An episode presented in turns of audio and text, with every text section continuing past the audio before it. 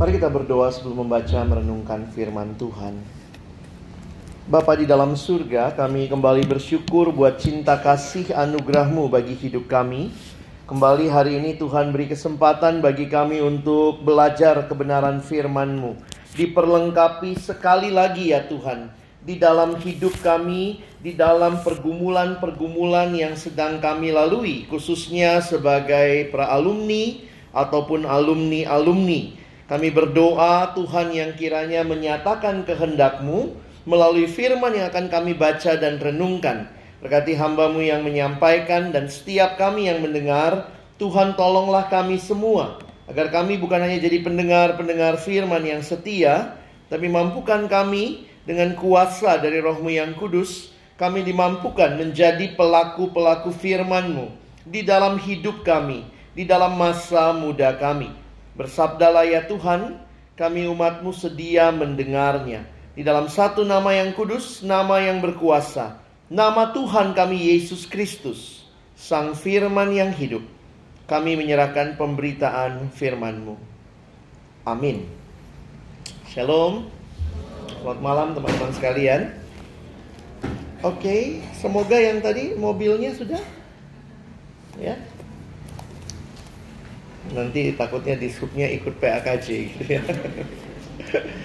Baik, kita hari ini sama-sama akan melihat tentang tema yang menarik. Saya katakan menarik karena memang uh, ini jadinya kita lagi belajar Injil Yohanes, tetapi ada kesempatan juga untuk belajar satu bagian dalam uh, Injil Yohanes khususnya mengenai sains, tanda.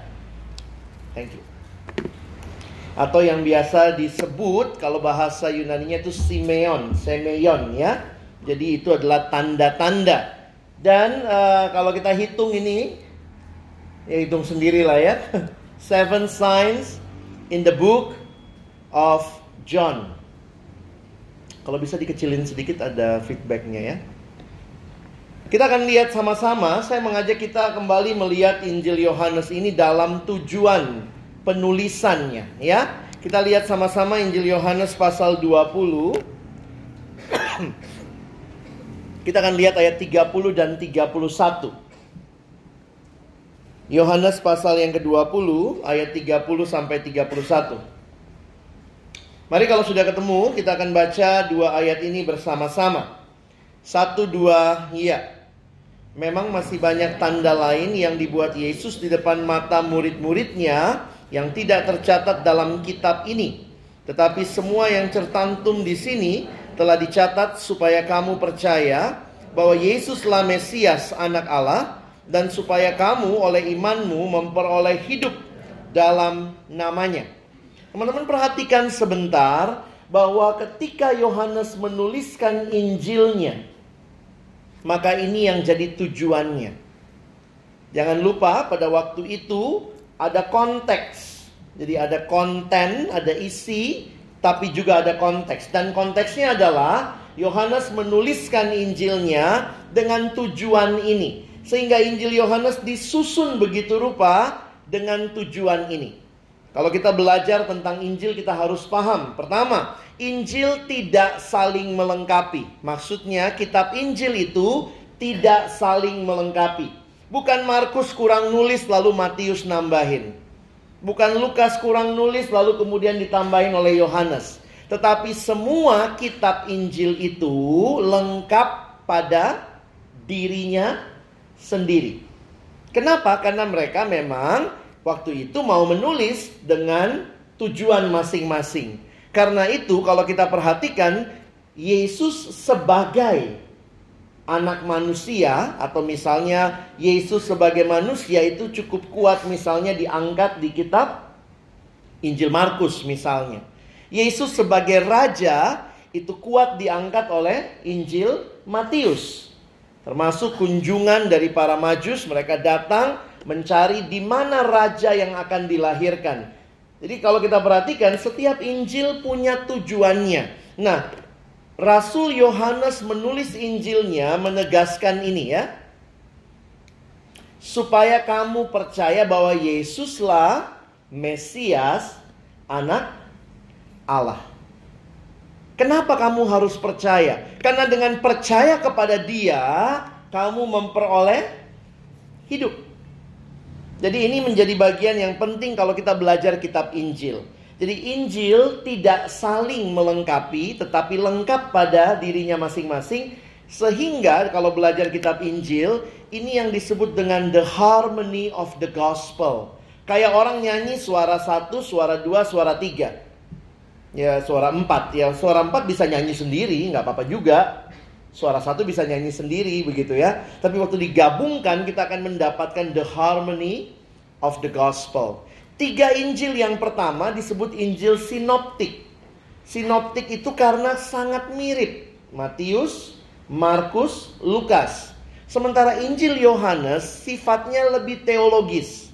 Karena itu kalau kita perhatikan banyak cerita yang ada di dalam Injil Yohanes kita tidak temukan di Injil yang lain. Jadi itu sedikit pengantar tentang Injil begitu ya. nah nanti di bagian akhir kalau ada pertanyaan teman-teman boleh uh, bertanya. Nah kita coba lihat sebentar. Yuk kita baca ya. Satu dua ya. Yohanes mengatakan maksud utamanya menulis Injil adalah agar pembacanya memperoleh hidup melalui Kristus. Untuk itu mereka harus percaya kepada Kristus. Yohanes telah memilih tanda tertentu yang bisa menyaksikan Kristus. Karena kesaksian mendatangkan iman dan iman mendatangkan hidup. Jadi menarik sekali ada hal-hal yang Yohanes coba list kira-kira begitu ya itu yang tadi kita lihat ya. Tanda yang tidak tercatat, tapi ada juga yang telah dicatat. Jadi tanda-tanda yang dituliskan di dalam Injil Yohanes itu dengan tujuan ini ya. Bisa menyaksikan Kristus. Jadi khusus Injil Yohanes dia menggunakan tanda-tanda, mencatat tanda-tanda untuk menjelaskan, menyaksikan tentang Yesus. Siapakah Yesus? Yesus adalah anak Allah yang memberi hidup yang kekal. Makanya kalau kita perhatikan Injil Yohanes dari awal terus dijelaskan siapa Yesus. Siapa dia sebelum datang ke dalam dunia. Pada mulanya adalah firman. Firman itu bersama-sama dengan Allah dan firman itu adalah Allah. Lalu dikatakan firman yang adalah Allah ini ayat 14 pasal 1 berkata dia telah datang ke dalam dunia. Firman itu menjadi manusia dan diam di antara kita. Nah ini gambaran yang mau diberikan tentang siapa Yesus yang datang. Kalian pernah nonton film superhero nggak? Iyalah ya. Nah, biasanya itu ada edisi awalnya. Semua ada cerita awalnya. Misalnya ya, kalau nonton, kenapa Spider-Man bisa nempel-nempel di dinding? Cerita awalnya gimana sih? Dia kena apa? Digigit oleh ular naga. Siapa yang gigit? Spider yang sudah kontaminasi waktu itu kan?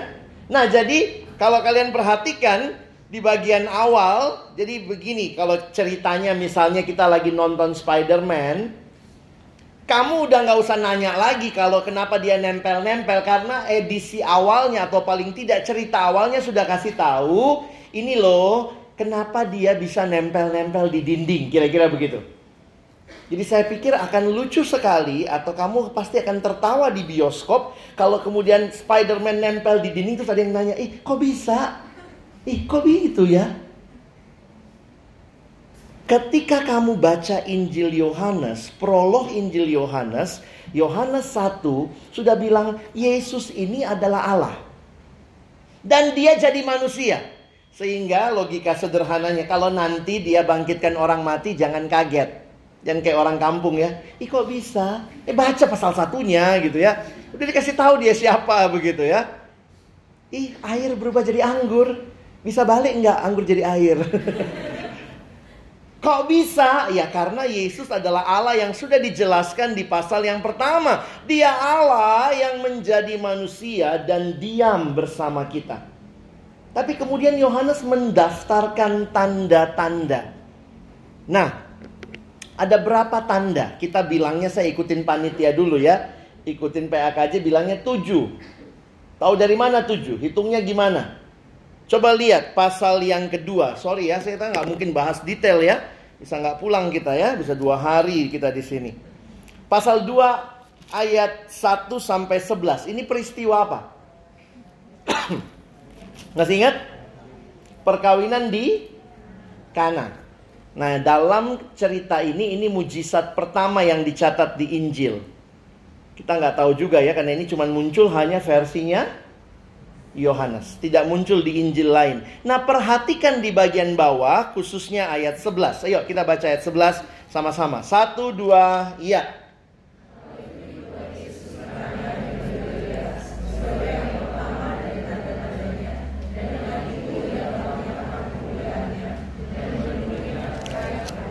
Perhatikan kata kunci. Tanda supaya kamu percaya. Memang menarik kata percaya itu ya. Di dalam Injil Yohanes juga kita kuat sekali kata percaya. Karena begitu besar kasih Allah akan dunia ini sehingga ia telah mengaruniakan anak yang tunggal supaya setiap orang yang percaya. Jadi bayangkan Yohanes lagi mempresentasikan Injilnya supaya orang percaya. Dia tuliskan, dia list tanda-tanda. Tanda pertama apa? Tadi ya. Air jadi anggur. Itu terjadi di Kana. Itulah yang pertama. Jadi memang akhirnya orang nyimpulin, itu tandanya apa sih? Ada yang bilang kalau begitu tanda-tanda itu adalah hal-hal ajaib, mujizat, miracles yang Tuhan lakukan. Sehingga begitulah kalau kita cari ke belakangnya ya carinya begitu lagi. Apalagi yang kedua kira-kira tandanya. Ketemu Nikodemus ada tanda? Itu ngobrol biasa gitu ya, nggak ada Nikodemus berubah jadi angin, enggak ya? Ada angin bertiup ke mana dia mau tapi Nikodemus nggak berubah. Pasal 4 ada ketemu wanita Samaria Terus Yesus bilang suamimu, panggil suamimu. Saya kalau ketemu di surga pengen cari tuh wanita Samaria secantik apa ya. Setengah lusin loh yang sama dia. Kamu satu aja nggak dapet. Sorry ya, ini kadang-kadang memang begitulah ya. Hati-hati yang sudah punya pun jangan sampai direbut gitu ya ada wanita Samaria. Tapi apakah itu tanda? Ya juga ya. Di bawahnya ada apa? Pasal 4 ayat 46. Ada ya, Yesus menyembuhkan anak pegawai istana. Jadi kalau kita ngikutin PA terus baca, jadi bayangkan kamu adalah pembaca pertama Injil Yohanes, kamu belum tahu, begitu baca pasal 1, oh Yesus ini Allah, dia bakal cerita tentang Allah yang jadi manusia. Terus kemudian dia bilang, air jadi anggur. Inilah tanda pertama. Terus cerita-cerita Nikodemus, wanita Samaria. Terus cerita lagi nih. Yesus kembali ke Galilea pasal 4 ayat 43. Lalu Yesus menyembuhkan anak pegawai istana. Perhatikan ayat 54. Kita baca sama-sama ya. Satu, dua, ya.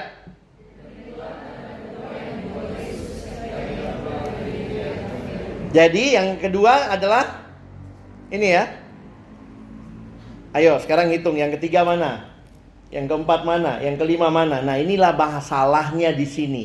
Karena cuma dua yang dicatat. Ini yang pertama, ini yang kedua. Selebihnya Yohanes suruh kita PA pribadi. Yang mana kira-kira menurutmu yang ketiga, yang keempat, yang kelima, yang keenam, sehingga ini juga jadi perdebatan bagi banyak teolog panitia atau pengurus PAKJ bilangnya tujuh. Ya sudahlah kita ikut tujuh ya. Nah inilah tujuh. Suka mu tujuh ya. Jadi menarik cuma dua pertama. Ini yang pertama, ini yang kedua. Sehingga orang melihat yang mana lagi. Kemungkinan yang lain adalah ini ya. Healing the disabled man at the pool. Masih ingat yang di ini ya. Di kolam itu. Pria itu yang selalu kalah cepat berapa lama? 38 tahun. Jadi itu miracle juga ya. Jadi ini signs pointing to, to Jesus as Messiah. Di bagian mana dalam Injil Yohanes? Perhatikan, saya tulis dalam kurung karena kata-kata dalam kurung itu itu ada kata tandanya. Coba baca pasal 6 ayat 2. Coba lihat ya. Pasal 6 ayat 2. Satu, dua, ya. Karena mereka melihat mujizat-mujizat penyembuhan yang diadakannya terhadap orang-orang. Kata mujizat-mujizat, nah ini masalahnya bahasa Indonesia tidak cukup konsisten. Kalau lihat terjemahan Inggris itu juga dipakai kata signs. Tanda. Jadi kira-kira tanda yang telah menyembuhkan orang sakit pasal 6 ayat 2 paling dekat berarti ini adalah tanda. Kira-kira begitu cara nafsirnya. Ini bisa dibilang tanda nggak? Iyalah, pasal 6 ayat 2 kan merefer bahwa tanda berarti peristiwa sebelumnya. Nah, yang menarik juga adalah perhatikan bahwa di bagian klaim Jesus atau apa yang Yesus nyatakan. Jadi cuman bukan cuman tanda, tapi ingat tanda itu menyatakan Yesus Mesias. Mesias itu adalah dia Allah yang jadi manusia. Kira-kira klaim apa yang mau dibawa dengan hal itu? Beberapa penafsir saya saya ini rangkum dari beberapa sumber ya. Misalnya ada yang mengatakan dengan dia mengubah air jadi anggur, apa yang Tuhan Yesus mau nyatakan? Ini adalah sebuah tatanan yang baru. Yesus memulai sebuah tatanan yang baru. Kemasyarakatan yang baru dengan menyatakan dirinya sebagai Allah. Jadi kalau kita perhatikan ada klaimnya yang ada di sini ya. Lalu healing official sons to give a new life. Jadi kalau teman-temanku melihat siapa Yesus yang disampaikan oleh Injil Yohanes, dia Allah yang memulai hal yang baru, dia mengatur kembali, dia memberikan hidup yang baru, ini juga yang terjadi dengan karena dua-duanya peristiwa penyembuhan. Next, lihat lagi. Dia memberi makan 5000 orang. Ada kata tanda nggak yang mengacu ke situ? Paling dekat pasal 4, 6 ayat 14. Coba lihat 6 ayat 14 ya, kita nggak baca seluruh cerita. Coba pria baca 6 ayat 14. Satu dua ya. Ketika orang-orang itu melihat mujizat yang telah diadakannya, mereka berkata, "Dia ini adalah benar-benar nabi yang akan datang ke dalam dunia." Lihat ya, tanda mujizat. Yang wanita baca ayat 26. Oke, satu dua, ya.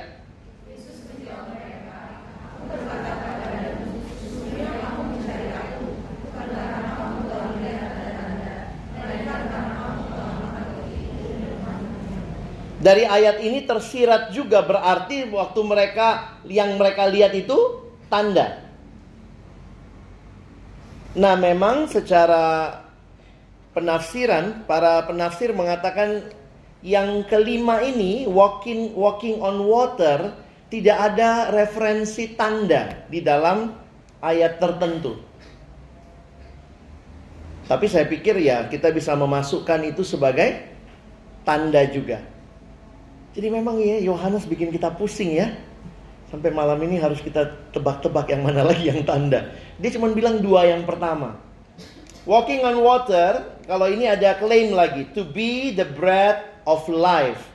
Jangan lupa konsep perjanjian lama itu sangat penting untuk kita pahami. Khususnya kalau kalian melihat pembaca Injil Yohanes pasti mengerti perjanjian lama. Jadi kata-kata yang Yesus sampaikan, misalnya akulah roti hidup, itu kata-kata yang menggemakan apa yang terjadi di dalam perjanjian lama. Ketika umat Allah di padang gurun, mereka mendapatkan mana dari Allah.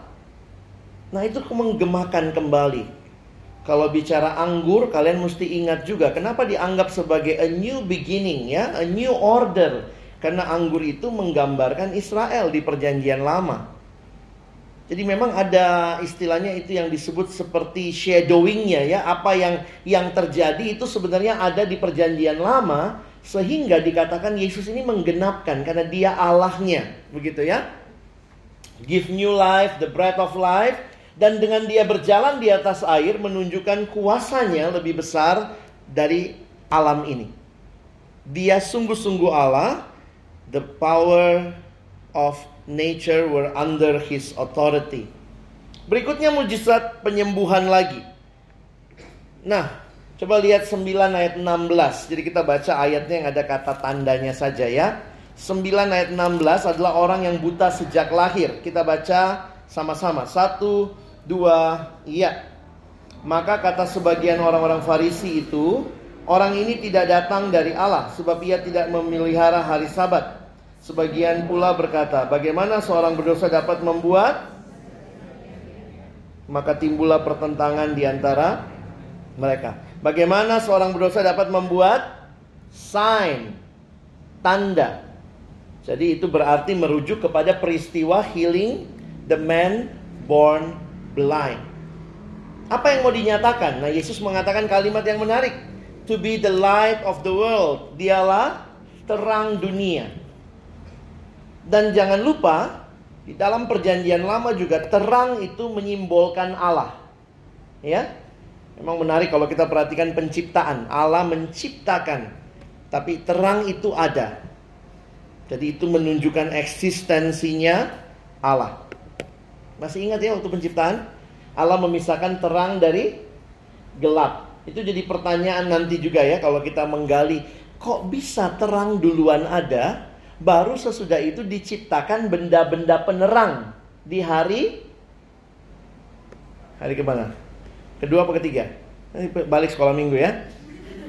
Jadi ternyata terang itu bukan sumbernya dari dari matahari. Loh kan udah di, di Allah memisahkan gelap dan terang. Lalu kemudian dia ciptakan benda-benda penerang. Sehingga ada penafsir yang mengatakan terang itu adalah eksistensi Allah sendiri. Begitu ya. Baru ngeh ya? Bingung ngajar anak sekolah minggu? Jangan, jangan takut, mereka nggak nanya itu kok. Allah memisahkan terang dan gelap gitu ya. Lalu perhatikan ayat 7 eh nomor 7 yaitu raising of Lazarus ya kebangkitan atau membangkitkan Lazarus. Coba kita lihat itu ada beberapa ayat. Coba lihat 11 ayat 47. Yuk yang pria baca ya 11 ayat 47. 1 2 iya. Lalu imam-imam kepala dan orang-orang Farisi memanggil mahkamah agama untuk berkumpul dan mereka berkata, "Apakah yang harus kita buat sebab orang itu membuat banyak mujizat. Apa mujizat paling dekat yang Yesus buat? Bangkitkan Lazarus. Itulah pasal 11-nya, ya. Lalu lihat yang wanita 12 ayat 18. Silakan wanita 1 2 iya.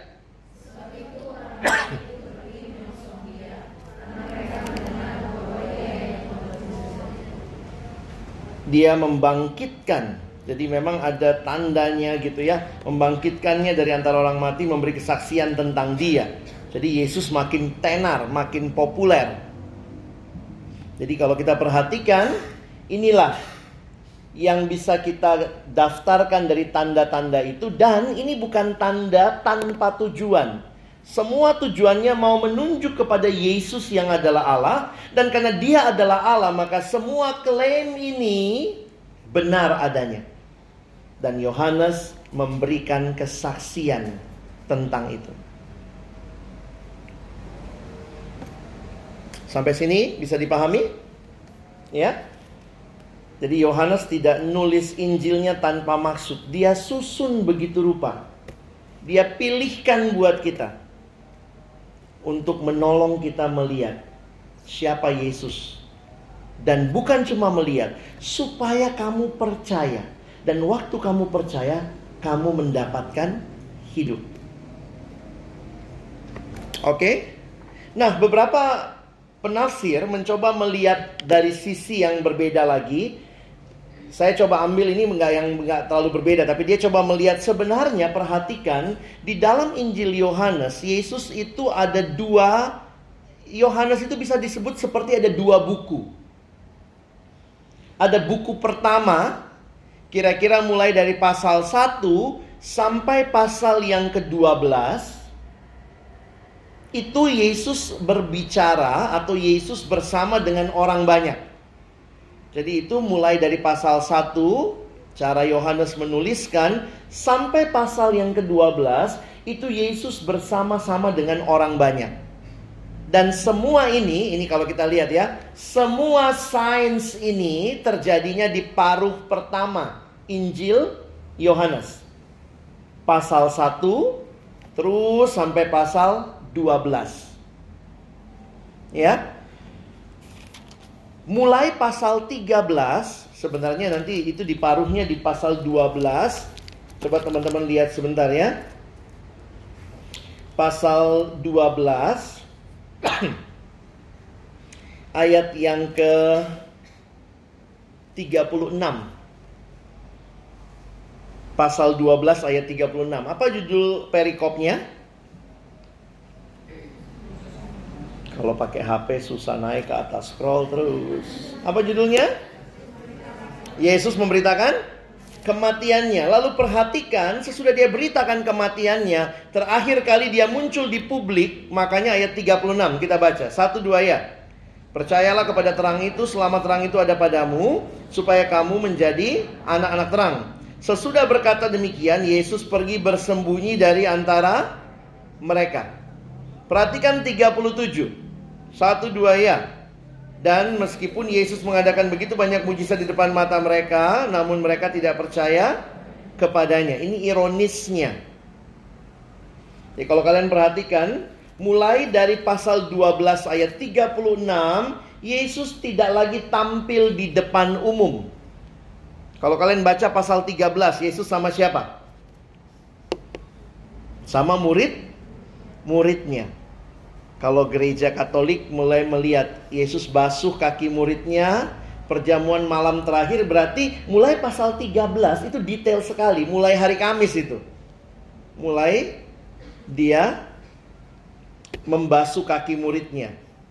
Jadi semua ke belakang itu pengajaran khusus murid.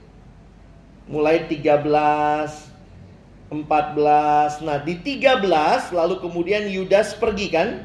Lihat 13 ayat 21. Lalu Yudas pergi kan? Ayat yang ke-30. Yudas menerima roti itu lalu segera pergi. Pada waktu itu hari sudah malam.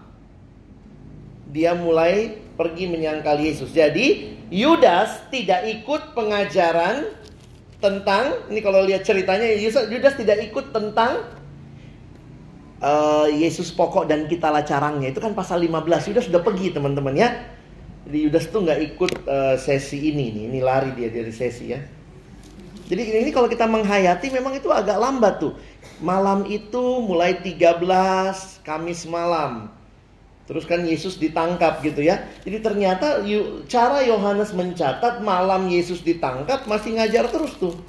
Ngajar. Nah dalam perjalanan ke Taman Getsemani. Kapan sampai di Getsemani? Ngapain sih Yesus di Getsemani teman-teman? Di Injil lain kita tahu Yesus di Getsemani ngapain? Berdoa. Berdoa itu pasal berapa di Injil Yohanes? Di mana Yesus berdoa? Pasal 7 17. Habis Yesus berdoa, nah ini menarik nih. Di Injil lain kita nggak tahu doanya Yesus apa ya? Yang kita tahu apa? Muridnya ketiduran. Kita nggak tahu persis detail doanya Yesus, tapi ada yang diulang-ulang. Ya Bapa, jikalau mungkin cawan ini lalu daripadaku, tapi jangan kehendakku yang jadi, tapi kehendakmu. Terus kita nanya, masa doa sesingkat itu balik sudah tidur si Petrus? Itu kan kita pikir, ya ampun Petrus pasti, oh, gitu ya, cepet kali. Walaupun tiga kali pun digituin ya, ini tiga kali diulang pun kata itu nggak sampai lima menit ya. Tapi kalau kita lihat Injil Yohanes logis juga. Yesus doanya panjang coy. Pasal 17 itu. Ini sebenarnya isi doanya ya. Panjang tuh doanya. Pot, tot, tot, tot, tot, tot, gitu ya. Nah Yudas sudah nggak ada tuh. Nanti tiba-tiba pasal 18 Yesus di tangkap. Nah, dalam perjalanan jadi ini kalau cara nafsir ya, Yohanes 15 itu Yesus berikan dalam perjalanan menuju ke taman Getsemani. Makanya para penafsir mengatakan karena banyak kebun anggur, waktu lewat kebun anggur Yesus sekalian ngajar. Aku pokok anggur, kamu rantingnya. Yudas sudah pergi dia. Dia nggak ikut sesi itu. Jadi bisa kita pahami ya. Nah ke belakang ini semua ceritanya mulai sedih. Depan agak agak ceria ya. Mujizat, mujizat. Sehingga para teolog membagi dua. Yohanes punya dua bagian. Pertama the book of signs. Buku tanda itulah pasal 1 sampai pasal 12. Lalu kemudian mulai masuk buku penderitaan. Mulai dari pasal yang ke-13 sampai selesai Injil Yohanes. Salah satunya yang membagi demikian adalah John Stott. To sum up, kata John Stott, uh, sorry, oke, okay. yet there is another side to John's witness to uh, to Jesus. The seven signs, John Stott seirama sama pengurus PAKJ ya. The seven signs recorded in the first half of his gospel are signs of power and authority. Jadi tanda-tanda itu kan menunjukkan Yesus bisa loh mengubah air jadi anggur. Hebat banget dia. Tapi itu kita nggak lihat di bagian kedua ya. Kalau dia bisa ubah air jadi anggur, dia bisa bangkitkan orang mati. Apa susahnya sih sentil Yudas ya? Apa susahnya kalau dia dipaku? Sakit, sakit ah, turun ah. Nah, itu itu yang menarik itu ya. Makanya John Stott bilang, in the second half, in the second half of his gospel, however, John records signs of weakness and humility. First, in the washing of the disciples' feet, dia membasuh kaki para murid 13, then in the cross, which John sees as the glorification of Jesus. Jadi sebenarnya kalau kita tanya Babe John Stott ini, jadi menurutmu berapa tanda? Karena dia bilang ini tujuh yang pertama. Ada lagi nih, ya. First uh, record signs of weakness and humility. Cuma kita kayaknya nggak suka ya kalau tandanya itu tanda kelemahan. Tapi benar-benar dia manusia. Allah yang jadi manusia. Ini kayaknya bagian depannya kayaknya Allahnya luar biasa gitu ya. Kita nyanyi Allahku dahsyat di bagian itu ya. Kalau ini kita malu, Tuhan Yesus, ku malu lihat kau. Kok lemah banget Tuhanku.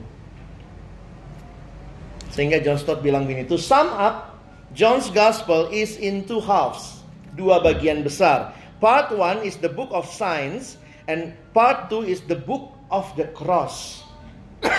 But in both Throughout his gospel, John is bearing witness to Jesus in order that his readers may believe in him and so receive life from him. Kalau kalian mau ceritakan Yesus ke temanmu, kamu pilih cerita yang mananya? Yang hebat-hebat atau yang kurang hebat? Ih Tuhanku mati loh. Ih. Terus dia mau kasih aku hidup, dia aja mati. Nah unik nih. Nah, ini pergumulan teologis, tapi Yohanes mencoba menuliskan semua ini. Sehingga pertanyaan saya, apakah memang cuma ada tujuh tanda? Tapi pertanyaan ini nampaknya Yohanes juga open. Please, look at the book. Terserah kamu yang mana menurut kamu tanda. Karena dia bilang begini, tanda-tanda ini sudah dicatat. Tapi masih ada lagi kata dia bahkan tanda yang belum dicatat. Karena kalau dicatat semua, mau setebal apa Alkitab kita? Segini aja kok nggak baca. gitu ya. Apalagi tambah tebal gitu kan. Jadi memang menarik nih, apa cuma tujuh tanda. Nah beberapa penafsir seperti yang namanya D.A. Carson, dia menulis satu komentari Injil Yohanes kayak bantal tebalnya gini ya. Kalau ganjel pintu nggak bakal balik pintunya itu. Saking tebalnya ya. Nah Yohanes, eh sorry, Carson mengatakan uh, delapan ya ada lagi yang bilang sembilan dari tadi malam saya bingung gitu sampai tadi malam saya bilang sama istri saya ini berapa sih PAKJ yakinnya 7. Saya udah baca komentari ini 8, ini 9, ini berapa? Tapi kemudian saya baru sadar juga, iya kan Tuhan bilang banyak tanda. Ya. Karena ada yang nggak puas, masa cuma 6? 6 itu bukan angka Alkitabiah. Makanya dipasin jadi 7. Coba kan kalau kita keluarin tadi yang jalan di atas air itu kan nggak ada kata tanda. Bisa aja kita keluarin, tapi kalau keluarin itu tinggal 6. Masa 6? Kayaknya kurang klop. Tuhan kan berhenti pada hari ketujuh, tambahlah 7. Masuklah dia. Begitu tambah 7 yang lain bilang ada lagi. 8, 9, pusinglah saya. Yesus bangkit, itu tanda yang ajaib. Kadang-kadang kita nggak lihat. Ya, itu pun tanda. Cuma memang bukan di the book of signs. Itu di the halfnya, the book of the cross. Dan jangan lupa sesudah itu ada tanda lagi sebenarnya ya. Kalau kita bilang mau ajaib, ajaib juga ya. Yang nangkap ikan 153 itu loh. Ya. Overwhelming catch of fish apa 9 kau temu lagi satu 10 11 tapi ingat ini bukan masalah hitung-hitungan tanda tapi apa tujuan dari tanda itu balik lagi tujuannya apa supaya kamu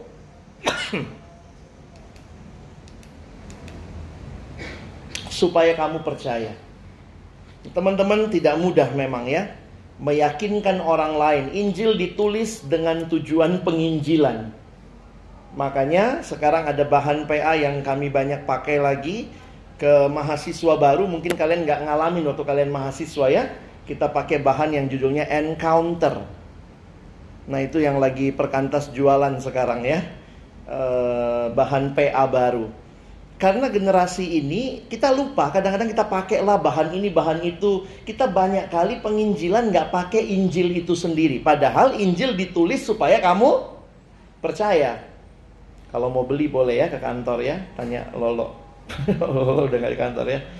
Itu buku encounter. Jadi memang kita diperhadapkan baca aja Injil Yohanes. Dari Injil Yohanes itu coba pelajari supaya kamu percaya. Nah sekarang pertanyaannya, kalau begitu tanda ini untuk apa?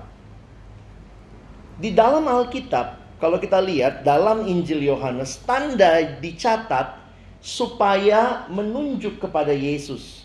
Nah di sisi yang lain, penginjil Markus mengatakan kalimat yang lain, ayat 17. Tanda-tanda ini akan menyertai orang-orang percaya. Nah, lihat tanda-tanda apa? Ini kan kalimat yang disampaikan oleh Yesus kepada murid-muridnya. Mereka akan mengusir setan-setan demi namaku. Mereka akan berbicara dalam bahasa-bahasa yang baru bagi mereka. Mereka akan memegang ular dan sekalipun mereka minum racun maut, mereka tidak akan mendapat celaka. Mereka akan meletakkan tangannya atas orang sakit dan orang itu akan sembuh. Dan perhatikan bagian bawahnya. Di situ saya jadi makin mengerti sebenarnya apa tujuan tanda itu. Mereka pun pergilah memberitakan Injil ke segala penjuru dan Tuhan turut bekerja dan meneguhkan firman itu dengan tanda-tanda yang menyertainya. Jadi sebenarnya kalau kalian perhatikan pun pada masa itu tujuan tanda itu demi meneguhkan firman. Nah, ada dua hal yang diteguhkan sebenarnya. Kenapa? Karena waktu itu belum ada Alkitab. Jadi tahu dari mana ini benar. Seringkali Tuhan izinkan ada tanda. Misalnya tiba-tiba gimana gitu jadi orang bilang, "Oh, ini benar nih." Ini dari Tuhan. Sehingga tanda itu tujuannya pada masa itu untuk meneguhkan beritanya ini benar dan juga meneguhkan pribadi sang pemberita. Coba kita lihat contohnya kisah Rasul 2 ayat 22. Sebenarnya ini meneguhkan Yesusnya sebagai Mesias. Kita baca ya, satu dua, ya. Hai orang-orang Israel. Yang aku maksudkan ialah Yesus dari Nazaret, seorang yang telah ditentukan Allah dan yang dinyatakan kepadamu dengan kekuatan-kekuatan dan mujizat-mujizat dan tanda-tanda yang dilakukan oleh Allah dengan perantaran Dia di tengah-tengah kamu seperti yang kamu tahu. Di dalam beberapa catatan sejarah tentang Yesus, misalnya Yosefus menulis atau mungkin ada yang lain juga. Mereka menuliskan waktu itu Yesus dikenal seperti tukang sihir. Karena banyak tanda yang dia lakukan, banyak mujizat yang dia lakukan. Beberapa orang mencoba membedakan apa bedanya tanda, mujizat, kekuatan, tapi sebenarnya ini semua mau menyatakan he is divine. Yesus itu ilahi. Nah di bagian lain kita lihat nih ya. Satu dua ya. Paulus dan Barnabas tinggal beberapa waktu lamanya di situ. Mereka mengajar dengan berani karena mereka percaya kepada Tuhan. Dan Tuhan menguatkan berita tentang kasih karunia-Nya dengan mengaruniakan kepada mereka kuasa untuk mengadakan tanda-tanda dan mujizat-mujizat. Jadi ini meneguhkan juga. Makanya di dalam cerita-cerita misi penginjilan di daerah-daerah yang terpencil sering kali juga ada cerita-cerita mujizat di sana. Untuk apa? Meneguhkan. Nanti yang HKBP bisa cek ya waktu opung nomensen itu ya. Karena kan orang bilang katanya nggak boleh tebang ada pohon itu, terus nomensen tebang aja. Orang nunggu besok mati ini. Bele begu ini semua pasti akan berjuang membuat mati ini. Karena nggak mungkin bisa bertahan. Besoknya dia hidup. Nah itu bikin orang Batak ini dengar dia. Karena sebelum Marti, eh, sebelum No Manson kan dua temannya dimakan ya. Orang Jerman itu dimakan, makanya orang Batak ada darah Jerman ya. Karena hatinya dibagi, dibagi ke 12 ke berapa sukunya gitu ya, dimakan katanya. Jadi waktu No Manson datang salah satunya itu awalnya orang tetap nggak percaya. Tapi karena pohon keramat itu katanya dia tebang dan dia tidak peduli besoknya dia nggak mati. Wah, orang bilang ini something karena itulah Injil terbuka. Tuhan sering kali bekerja dengan cara-cara demikian. Jadi makanya begini loh, banyak kali saya melihat orang bicara tanda itu egois. Saya dapat tanda, saya dapat mujizat, tapi demi kepentingan kita sendiri. Itu ada tempatnya. Nanti saya bicarakan itu. Tapi ini Alkitab bicara tanda selalu untuk menyaksikan sesuatu, meneguhkan sesuatu. Sehingga tanda itu bukan demonstrasi kayak Tuhan Yesus bilang, lihat ya, gue jalan nih atas air ya, gue jalan ya, nih jalan kan, wuh, terus dia dada-dada, enggak, itu mah bukan tanda, itu iseng gitu ya. Yesus nggak datang buat akrobat teman-teman, ya itu keeping your mind. Ini lagi, coba baca sama-sama 2 Korintus 1 2 ya. Bahwa aku adalah seorang rasul telah dilakukan di tengah-tengah kamu dengan segala kesabaran oleh tanda-tanda, mujizat-mujizat dan kuasa-kuasa. Paulus pun diteguhkan kerasulannya karena kan waktu itu belum ada Alkitab. Jadi tahu dari mana dia sungguh-sungguh rasul, apa yang dia katakan benar. Makanya waktu Paulus digigit ular juga, waktu mereka pasang api itu ya, digigit ular orang bilang itu ular berbisa, pasti mati. Eh nggak mati. Jadi mereka jadi wah ini ini pasti titisan dewa. Jadi itu cara-cara Tuhan begitu ya. Nah, kembali lagi pertanyaannya, tanda untuk apa? Ternyata sesudah diberikan begitu banyak tanda, apakah mereka percaya? Melihat tanda supaya percaya, saya pikir tadi kita udah baca ya. Kita baca lagi yuk. Yohanes 12 ayat 37.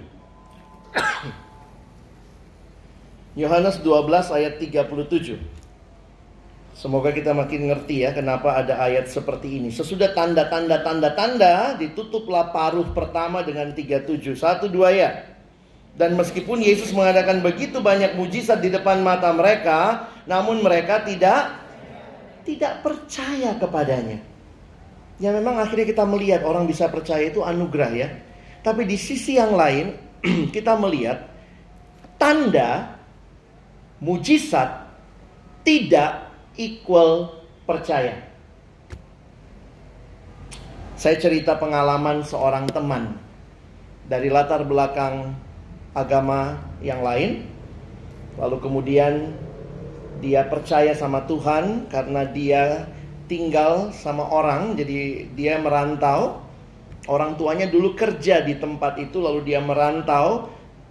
Dia kemudian bisa juga dapat uh, diangkat sebagai anak lah ya oleh majikan orang tuanya. Nah, sehingga orang tuanya sudah pulang ke kampung, dia tertinggal untuk sekolah dan ternyata dalam perjalanan dia sekolah dia menemukan Kristus atau Kristus menyapa dia dan dia jadi Kristen. Singkat cerita begitu. Nah, tiap kali dia pulang pas hari raya, itu satu kesedihan dia karena orang tuanya belum percaya. Lalu kemudian waktu saya cukup dekat sama dia, saya sharing sama dia, lalu dia bilang begini, Kak, bisa nggak sih pas misalnya hari raya itu waktu orang berbondong-bondong menuju ke rumah ibadah, di kampung saya yang kayaknya cuma saya yang Kristen ini pengennya tuh ada mujizat terjadi supaya satu kampung percaya. Dia waktu itu berharap dia bisa bilang dalam nama Yesus pindah pohon ini, pindah pohon terus semua orang lihat. Wow, semua jadi Kristen. Saya bilang ingat, kalau kau mau orang percaya dari mujizat, ingat tidak selamanya bahkan sudah lihat banyak tanda belum tentu percaya. Mungkin engkau juga dan saya bisa begitu ya. Saya juga pernah punya konsep begitu. Ini kalau Tuhan melakukan mujizat bisa langsung percaya semua. Kita maunya begitu. Kenapa? Kita malas penginjilan. Supaya nggak PI kan? Supaya nggak PI ya, ya. Tuhan lakukanlah tanda supaya semua orang percaya. Kalau aku yang mesti ngomong Tuhan, waduh, tandanya susah nih. Besok siswa mau belajar penginjilan. Kalau mau jadi siswa ikutan besok ya. Kita akan belajar bagaimana ber-PI dengan sederhana begitu. Kadang-kadang saya mikir iya ya. Kita sering kali mengkaitkan Tuhan supaya mereka percaya lakukan tanda-tandamu, lakukan mujizatmu. Jangan-jangan itu adalah substitusi kemalasan kita melakukan bagian kita. Dan memaksa Tuhan melakukan bagian dia supaya kita nggak ngapa-ngapain. Saya dulu sempat mikir gitu. Coba misalnya Yohanes 3:16 tertulis di langit ya, langsung percaya satu dunia kan? Karena begitu besar kasih Allah kan dunia ini mengambil anak yang tunggal. Jadi kita nggak usah, kita semua orang Kristen set. Set, lihat. Cukup begitu kan? Nggak usah PI susah-susah, doakan, nolak. Kadang dia nabok kita.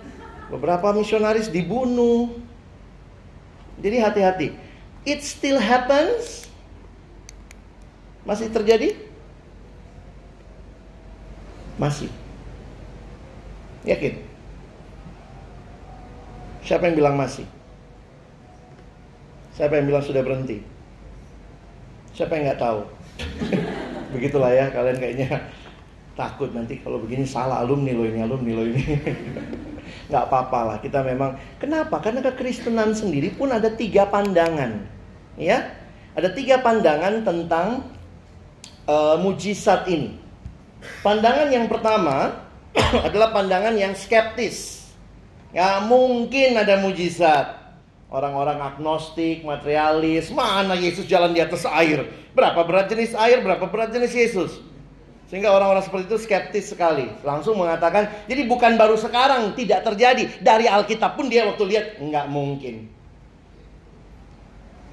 Dan ini banyak juga dijelaskan dengan merasionalisasikan.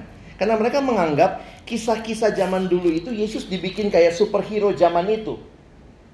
Sehingga yang mereka lakukan adalah mencoba mendemitologisasi Yesus. Oh itu dilakukan juga tuh. Misalnya, nggak ada itu yang namanya lima roti dua ikan untuk lima ribu orang. Tidak terjadi mujizat lima roti dua ikan. Katanya yang terjadi itu mujizat kerendahan hati. Ini rasionalisasinya. Oh dan jangan lupa loh banyak pendeta-pendeta sekarang percaya itu. Apalagi dari STT tertentu yang mereka memang nggak percaya mujizat skeptis. Jadi Yesus berjalan di atas air, nggak jalan di atas air. Yesus jalan di pinggir pantai, kelihatannya di atas air sama murid-muridnya kan mereka lagi ketakutan itu ya, lagi aduh galau banget lalu lihat ih, ya sama lah kita kalau lagi galau semua kita lihat makanan gitu ya. Masih lihat meme-nya puasa itu ya. Jam berapa, lihat apa, lihat huruf-huruf kok kayak es cendol gitu ya. Thank you, saya udah ada minum sana deh. Ya, thank you. Ada lagi mau kasih minumnya? Mungkin itu aja yang dibawa ke sini ya. Talenta bisa tolong yang di kaki. Ya. Soalnya itu udah dibuka ini belum. Thank you.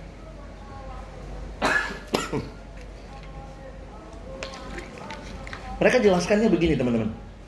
Bayangkan itu kan yang apa? Yang yang ngasih lima roti dua ikan itu siapa?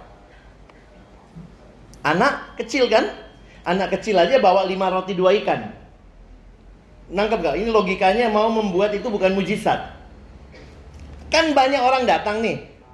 Anak kecil aja bawa lima roti dua ikan. Apalagi orang gedenya. Tapi Yahudi kan pelit. Semua ngumpetin. Terus kemudian Yesus tanya, apa yang ada padamu? Anak ini datang maju. Ini yang ada padaku. Yang lain tergerak. Kumpullah bekalnya, potlaklah mereka. Kumpul semua, akhirnya sisa 12 bakul. Jadi nggak ada mujizat di situ. Setuju nggak? Terus ngapain Yesus menengadah ke langit? Itu dicatat di Injil. Mengucap syukur lalu memecah-mecahkan roti itu. Action. Set. Set. Padahal nggak. Padahal mujizat kerendahan hati. Tapi itu ya, mereka memang tidak suka dengan mujizat. Ini golongan skeptis. Dan ada di kalangan Kristen yang begitu. Bahkan hamba Tuhan.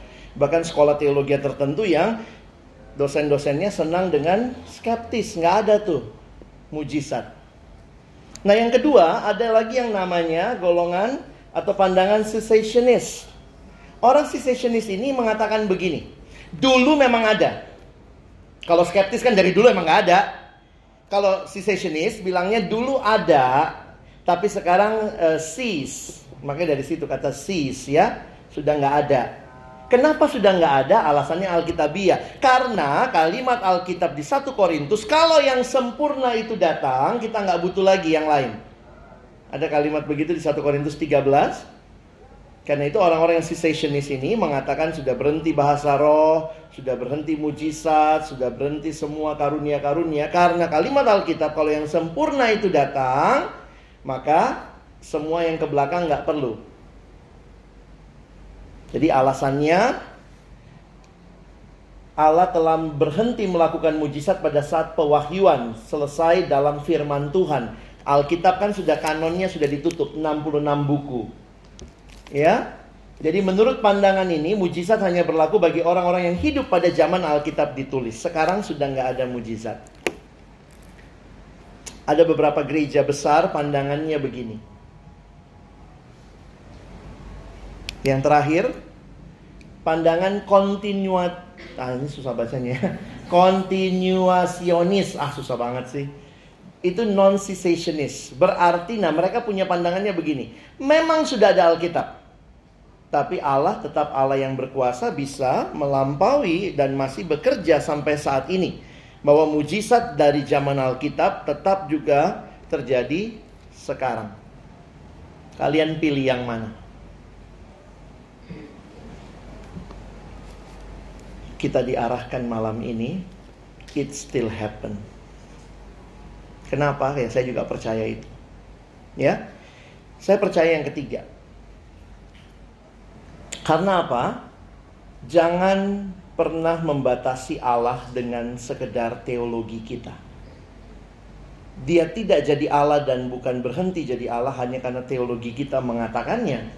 Kita bilang berhenti kalau dia masih mau bekerja. Siapa kita yang bisa bilang Allah tidak bekerja lagi? Memang betul. Kadang-kadang bahkan sering kali mujizat itu bisa dipalsukan. Ingat ya, Setan bisa punya kuasa yang sama. Sehingga orang pergi ke dukun bisa sembuh? Oh bisa. Nah tapi ini ini patokannya ya. Kenyataan saat ini bahwa adanya mujizat-mujizat palsu, tiruan dari setan memang selalu barang kalau bagus ada kawenya ya. Bukan berarti kita menolak semua mujizat yang terjadi atau menganggap semua mujizat palsu. Itu berarti kamu terlalu skeptis sebaiknya diuji dulu, setidaknya dengan dua tolak ukur. Pertama, apa? Tentu tidak bertentangan dengan Alkitab. Yang kedua, dari buahnya membawa kemuliaan bagi Kristus, bukan hanya bagi orang yang melakukannya. Jadi kadang-kadang kalau orang nanya sama saya, menurut abang bagaimana? Saya bilang ya, saya kalau memang dari Tuhan, tapi bagaimana? Sesuai dengan Alkitab nggak? Makanya waktu ada yang nanya, bang, Adik saya punya teman, temannya itu katanya punya karunia dari Tuhan bisa meramal. Itu mujizat Tuhan kasih, bisa meramal masa depan. Dia kalau pegang tangan orang, dia langsung bisa tahu tuh permasalahannya. Saya pernah didatangi juga satu retret ya. Ada anak yang konseling, bang, saya itu ya bang punya karunia dari opung saya gitu ya. Jadi opungnya dukun dulu di kampung, dia turunnya bukan dukun, agak selihat peramal, sedikit lebih modern ya. Dia bilang, saya kalau pegang tangan begini bang, saya langsung bisa tahu kayak cerita ke belakang tuh gimana. Ya waktu saya, oh gitu ya dek. Hmm. Ini mujizat, tanda ajaib, masih ada nggak? Alkitab berkata roh peramal tidak boleh. Sehingga kalau saya langsung bilang enggak, itu pasti bukan dari Tuhan. Tapi bang ini saya udah pakai nolong orang. Ada yang mau cerai kemudian datang sama saya bang. Waktu itu saya nggak ngerti tapi mama bilang coba nak tolong dulu. Bener saya tolongin bang saya tahu suaminya punya simpanan di mana. Akhirnya jadi selamatlah keluarga itu. Ini berarti ilmu putih. Saya bilang kalaupun benar terjadi tidak sesuai Alkitab, maka kamu harus minta Tuhan cabut pengalaman itu karena itu tidak sesuai dengan Alkitab. Jangan memelihara hal-hal yang salah. Jangan dibolak-balik. Jangan karena kau alami lalu teologianya jadi boleh. Bukan. Kalaupun kau alami dalam teologianya tidak boleh, maka yang harus minta saya bilang doa puasa, minta cabut pengalaman itu. Tapi saya masih bisa alami, minta Tuhan cabut pengalaman itu. Tapi saya masih bisa lakukan, berhenti lakukan. Tapi saya bisa nolong orang. Tidak ada nolong dengan cara itu. Kenapa? Alkitab jelas. Roh peramal, sihir, dukun, no. Tapi bisa nolong orang? Bisa. Tapi itu bukan dari Tuhan. Tapi kayaknya bisa baik. Tidak bisa. Langsung. Tadi malam roh opung itu yang datang. Itu opung bener suaranya bang yang datang. Tidak bisa. Setan tetap setan. Tapi setan bisa pakai suara opungku. Jadi maksud abang opungku setan. Terserah kau. Kau yang jawab. Loh, kenapa? Hati-hati pengalaman tidak membenarkan teologi. Harusnya teologi yang mendis, me, me, apa ya, mengevaluasi pengalaman sehingga berana belajar minta. Mintanya apa? Cabut ini dari saya Tuhan. Ini nggak benar. Jangan dipelihara. Ini ilmu putih, ilmu hitam. Enggak, semua setan. Jelas. Loh kok abang berani banget? Loh itu kalimat Alkitab. Kecuali bukan ini peganganmu. Kalau kau pegangnya opungmu ya silakan. Kata opung, ya udahlah. Opungmu Tuhanmu, terpujilah opung. Oh, saya ketemu berkali-kali. Ini saya baru pulang dari daerah. Begitu lagi pertanyaannya. Tapi saya bisa nolong orang. Kau bisa nolong orang tapi kau dipakai setan. Stop. Lama-lama kau andalkan dirimu. Yang datang sama saya ngomong begitu siapa? PKK loh. Jangan pikir orang biasa di kampus. PKK. Saya bisa loh bang. Kalau karena itu, karena kau bisa, kau mesti belajar minta dari Tuhan. Tidak, cabut pengalaman itu. Ada ayatnya, ada. Baca kitab ulangan. Hati-hati dengan sihir, roh peramal. Itu hukumannya mati. Dirajam sampai mati di perjanjian lama. Syukur kau di perjanjian baru. Saya mau rajam kau, saya juga takut gitu ya. Jadi apa kesimpulan saya malam ini sebelum kita boleh tanya jawab ya? Saya melihatnya begini. Allah sanggup dan masih terus mengerjakan mujizat-mujizatnya dalam dunia ini dan secara khusus dalam hidup anak-anaknya. Bisa dengan tujuan seperti di perjanjian baru supaya menunjuk kepada Yesus, tetapi juga kita menikmati saat ini Allah melakukan mujizatnya memelihara hidup kita. Jadi sekarang mujizat terjadi terjadi dalam pemeliharaan hidup kita. Bayangkan kalau tidak ada yang ngajak kau makan waktu kau mahasiswa. Padahal udah habis pun uang bulananmu. Tiba-tiba entah dari mana lah abang itu. Kok tahu dia aku lapar. Ayo dek makan. Dia bayarin lagi. Tambah dek. Puji Tuhan. Saya banyak dengar kesaksian begitu. Bang habis uangku. Hari itulah habisnya. Tapi siang itu saya cuma doa Tuhan nggak tahu lagi mau makan apa. Datanglah abang itu ngajak. Mujizat kebetulan Kau kirim telegram, bang, lapar aku. Dia nggak kenal juga belum tentu. Jadi kadang-kadang saya melihat Tuhan masih melakukan demi apa? Memang demi memelihara hidup. Buat kalian yang bergumul waktu studi sampai bisa lulus, mungkin kau pun menangis gitu ya. Mujizat aku bisa lulus bang. Kalau lihat kemampuan keluarga aku nggak mungkin kami sekolah. Satu aja bisa lulus sarjana luar biasa. Ini kami semua sarjana. Ya, ya juga ya, itu mujizat tanda ajaib. Memang sih nggak tiba-tiba terbelah laut depan rumahku bang gitu ya. Terus aku nyebrang ke pulau. Karena aku miskin bang tiba-tiba terbelah laut itu. Aku jalan lah nggak pakai ongkos. Ya nggak gitu juga kali gitu ya. Ada hal-hal sederhana yang Tuhan lakukan dalam hidup kita, teman-teman. Dan hal-hal yang sederhana kelihatannya simple, tapi mujizat Allah masih berlaku memelihara hidupmu. Dan ingatlah, harusnya waktu kau menikmati anugerah itu, kamu jadi signpost. Kamu signpost? Kamu jadi penunjuk arah kepada Kristus mengalami mujizat makin meneguhkan betul dia Allah yang hidup. Dia Allah yang dengar doa. Dia tahu pergumulanku. Saya beberapa kali juga ngalamin teman-teman itu kayak sampai mau nangis gitu ya. Waktu baru jadi staff masih lebih muda dari ini gitu ya. Lalu kemudian waktu itu saya bergumul sekali. Saya mesti pelayanan ke daerah dan waktu itu saya janji Kadang-kadang saya sampai mikir gitu, itu sih sombong banget juga janji pakai ini ya. Gini aja deh, kalian pokoknya tanggung aja ongkos tiket saya datang. Nanti pulangnya saya cari sendiri. Sombong juga waktu itu ngomong begitu ya, mau pergi ke daerah pelayanan, saya diundang, tapi saya juga memang pengen ke sana. Jadi waktu saya kayak jawaban doa, saya bilang, oke okay deh, kalian tanggung ongkos satu kali jalan, saya satu kali jalannya lagi. Menjelang berangkat, nggak ada ongkosnya. Satu kali jalan, kalau aku ketinggalan di sana Tuhan bagaimana lah gitu ya. Ini udah ngomong begini Tuhan tolonglah. Gaji nggak seberapa gimana nih. Akhirnya kemudian tiba-tiba pagi itu saya lagi naik bus ke Depok ke kampus mau pelayanan di telepon. Ada satu alumni yang sudah lama nggak ketemu. Dia telepon saya bilang, Alex apa kabar? Baik bang. Kirim nomor rekeningmu dulu ya. Hmm? Nomor rekening bang. Iya kirim aja nomor rekeningmu dulu ya. Oke. Nah hari itu saya memang sudah cari dana ya. Cari dana untuk tiket pelayanan itu. Tapi saya masih kurang uangnya. Sementara itu harus bayar siangnya jam 12. Dia telepon kira-kira jam 8 pagi. Saya kirimlah nomor rekening saya. Waktu itu masih pakai SMS. Tiba-tiba dia balas. Saya sudah transfer ya, tolong cek. Dan waktu saya cek, persis jumlah yang kurang. Persis. Waktu saya itu di atas di atas uh, bus ke Depok gitu ya. Waktu itu masih naik bus kota gitu ya. Itu saya waktu lihat berapa jumlahnya, oh nangis saya di situ. Sampai mungkin orang pikir gini, kenapa nih cowok nangis yang siang bolong gitu ya. Pagi-pagi mau kampus gitu. Karena saya menyadari, wow, dia Tuhan yang hidup. Persis jumlahnya. Nah itu success story-nya. Pernah sih doa-doa nggak dikasih juga sering. Nggak selamanya Tuhan kasih kok.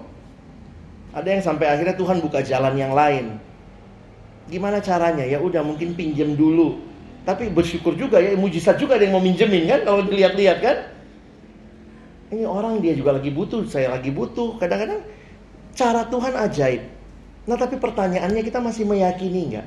Mungkin Tuhan nggak bikin apa ya uh, Tuhan nggak turunkan mana di rumahmu di depan rumah pagi-pagi kok ambil mana ya. Ada kalimat yang menarik. Mana turun kalau kalian lihat di perjanjian lama, mana turun selama Israel di padang gurun. Dan ingat, di padang gurun mereka tidak bisa cocok tanam. Karena terus dipimpin sama tiang awan dan tiang api. Jadi nggak sempet nanam, terus tiang awan pindah, pindah lagi orang itu. Jadi mereka waktu itu kerjanya bongkar pasang tenda. Begitu tiang awan pindah, tiang api pindah. Selama 40 tahun tidak sempat bercocok tanam selama itu mana turun. Tapi setelah mereka masuk tanaan, Yosua bagi-bagi tanah. Di kitab Yosua ditulis, setelah itu berhentilah mana itu turun. Sekarang mereka hidup dari mana? Mereka hidup dari tanah yang mereka usahakan. Mari bersyukurlah ya buat pekerjaanmu. Itu juga mujizat kan? Masih diperpanjang kontrakmu padahal performamu juga biasa-biasa. Mukamu juga biasa-biasa. Kadang-kadang mungkin, aduh kita nggak butuh yang muka kayak gini deh. mungkin, saya nggak tahu lah ya. Sorry, saya agak ekstrim di situ ya. Allah tetap sama. Untuk percaya tidak selamanya butuh tanda-tanda. Allah juga telah memberikan firman-Nya. Karena itu pelajari baik-baik. Beritakan firman, belajar PI, belajar bersaksi. Belajar ceritakan Yesus. Jangan bilang tunggu ya. Uh, tunggu dulu. Kenapa? Saya mau bikin Yesusku bikin mujizat ya. Celeng gitu ya. Jangan. Belajar beritakan bahwa Yesus memulihkan, menyembuhkan, Yesus membalut luka, Yesus menghibur. Saya pikir itu yang dunia ini butuhkan juga saat ini. Jadi it still happens? Yes. Tapi lebih jauh lagi, siapkan hati kita untuk menikmati Allah yang hidup itu. Dia masih bekerja. Amin. Ada pertanyaan?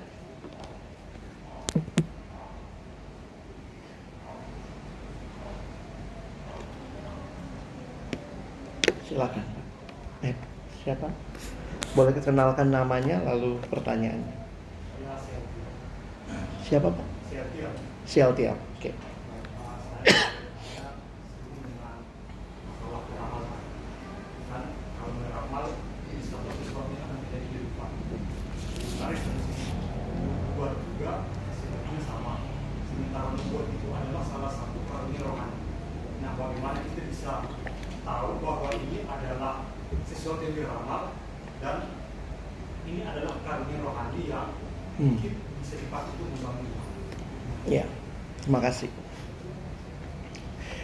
Kalau kita lihat spiritnya lebih dasar lagi, maka ramalan itu sebenarnya ketika kita memang tidak ada yang suka dengan ketidakpastian.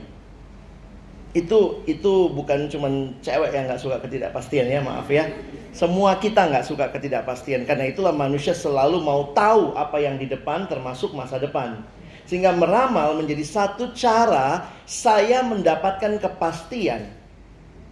Dan itu bisa dicari dari roh-roh peramal yang kemudian jadi saya pikir gini loh, jangan tak jangan jangan pikir iblis nggak punya kuasa. Iblis bahkan bisa menyamar seperti malaikat terang, itu kata Alkitab. Karena itu dalam mengetahui masa depan, saya pikir ada beberapa hal yang iblis dari pola yang dia sendiri sudah lewati mungkin dia tahu. Jadi hati-hati dengan meramal karena itu spiritnya adalah untuk bukan mau bergantung kepada Allah untuk masa depan tapi mau bergantung kepada ketenangan diri, keyakinan, kepastian. Seringkali kalau semua sudah pasti kita jadi nggak bergantung sama Tuhan. Ya. Kita tuh kan maunya tahu sampai akhirnya.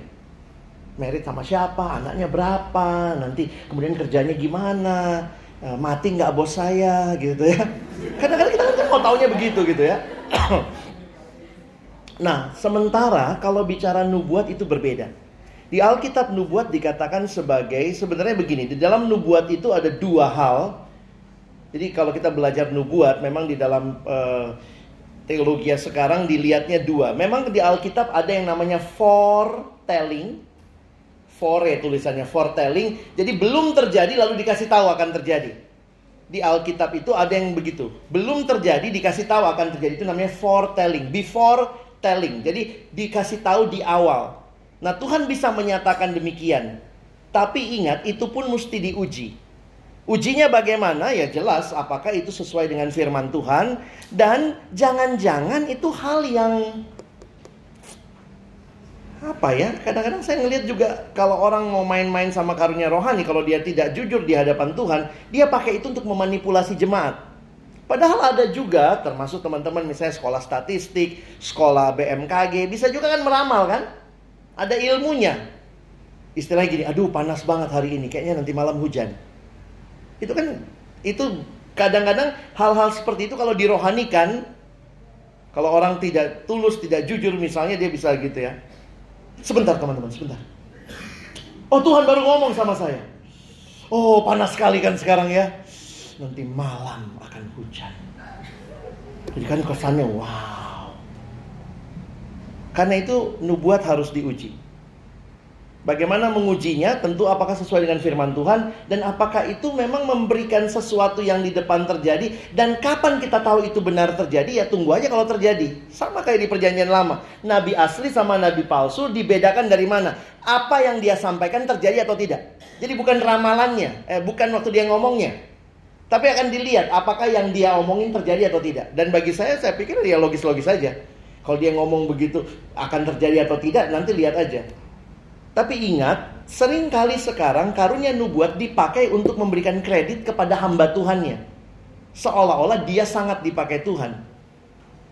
Padahal belum tentu. Nah di sisi yang lain ada kata kedua untuk nubuat di dalam Alkitab dipakai juga istilah foretelling. F-O-R-T-H. Foretelling itu itu bukan jadi kalau foretelling itu belum kejadian kita dikasih tahu sama Tuhan. Tapi ada lagi yang namanya foretelling. Foretelling itu sebenarnya di dalam gereja kita hayati sebagai karunia berkhotbah. Apa yang sudah ada dijelaskan. Yang saya lakukan ini sebenarnya dalam kategori perjanjian baru ini nubuat. Saya menjelaskan kitab suci itu foretelling, itu pun nubuat. Itu pun harus diuji.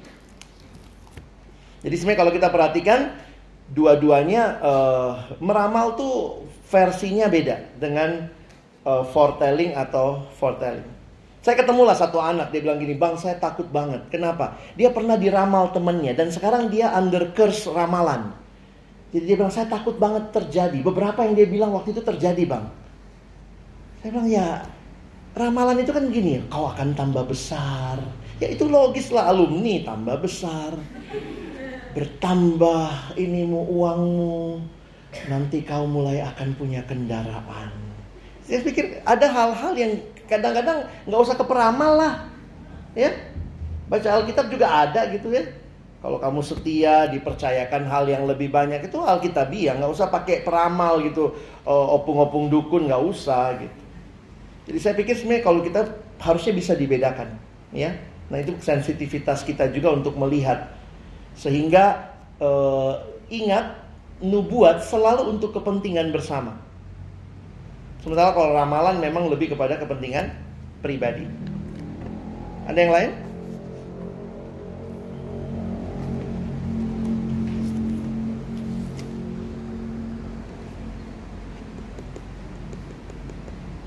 Ada yang mau diramal?